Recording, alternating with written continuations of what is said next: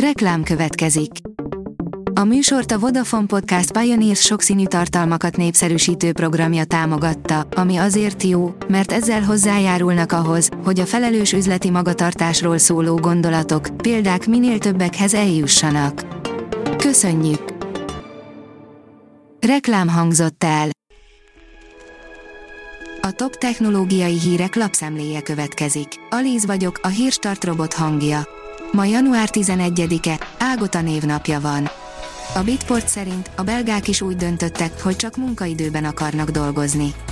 Belgium is csatlakozott azoknak az országoknak a sorához, ahol komolyan veszik a technológiából fakadó munkahelyi kiégést. Egy új törvény első lépésben a köztisztviselőket védené meg attól, hogy munkaidőn kívül is telefonon vagy e-mailben zaklathassák őket a főnökeik vagy a kollégáik. A 444.hu írja, először ültettek emberbe genetikailag módosított disznószívet. Orvosai szerint már semmilyen terápia nem segített volna rajta, ezért engedélyezték a beavatkozást az Egyesült Államokban. A PC World írja, a Razer már nem állítja, hogy orvosi védelmet nyújt a gamer arcmaszkja. A Razer Zephyrről korábban magabiztosan állították, hogy megfelelne az N95-ös besorolásnak, most pont az ellenkezője szerepel a Musk weboldalán. Hajlítható kijelzős készüléken dolgozik az Apple, írja a GSM Ring. Az Apple hajlítható kijelzős iPhone készülékeken dolgozik, viszont az még mindig kérdéses, hogy piacra dobhatnak-e ilyen típusú terméket. A hajlítható kijelzős készülékek piaca már lassan három éve töretlenül növekszik és egyre több gyártó készül belépni rá, vagy már meg is tette. A Colore teszi fel a kérdést, a Facebook használata és a depresszió, egyértelmű a kapocs közöttük. Kétségkívül sokan támadják manapság a közösségi média platformokat mondván, hogy a Facebook és társai számos kárt okoznak úgy egyéni, mint társadalmi szinten. Az egyik ilyen, hogy a túl sok közösségi média használat depresszió kialakulásához vezet. A tudás.hu oldalon olvasható, hogy itthon kapható VR sisakok és áraik, irány a virtuális valóság. Vajon mennyire valószínű, hogy a virtuális valóság kiszorítsa a valódit, a kultikus Matrix film óta foglalkoztat ez sokakat. A Facebook minden esetre létrehozta a metát, amelynek jövőbeli célja a virtuális valóság világ megalkotása. Jó VR szemüveg nélkül azonban belépni lehetetlen.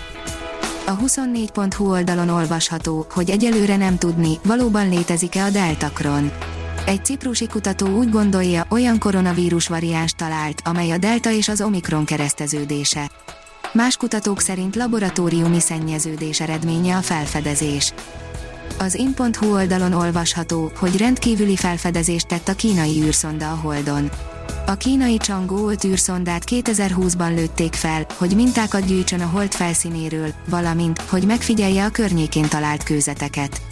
Vizsgálatai során újabb bizonyítékokat talált a holdon lévő vízre és annak helyére. Sokkal több folyadék lehet ott, mint hittük. KNH, fénysebességre kapcsolnak a mindennapok, írja a Márka Monitor az 5G, majd a 6G, kvantum számítógépek, blockchain technológia, bár most még kezdetlegesek, a következő években egyik pillanatról a másikra jelenhetnek meg az életünkben, derül ki a KNH jövőkutatásból. Amikor ez megtörténik, onnantól sokkal gyorsabb tempó jellemzi majd a mindennapokat.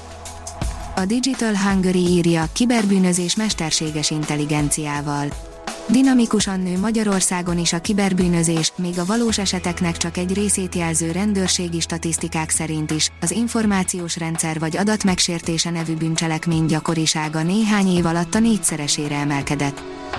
A signanddisplay.hu szerint robotok dolgoznak az Egyesült Királyság legnagyobb papírgyárában.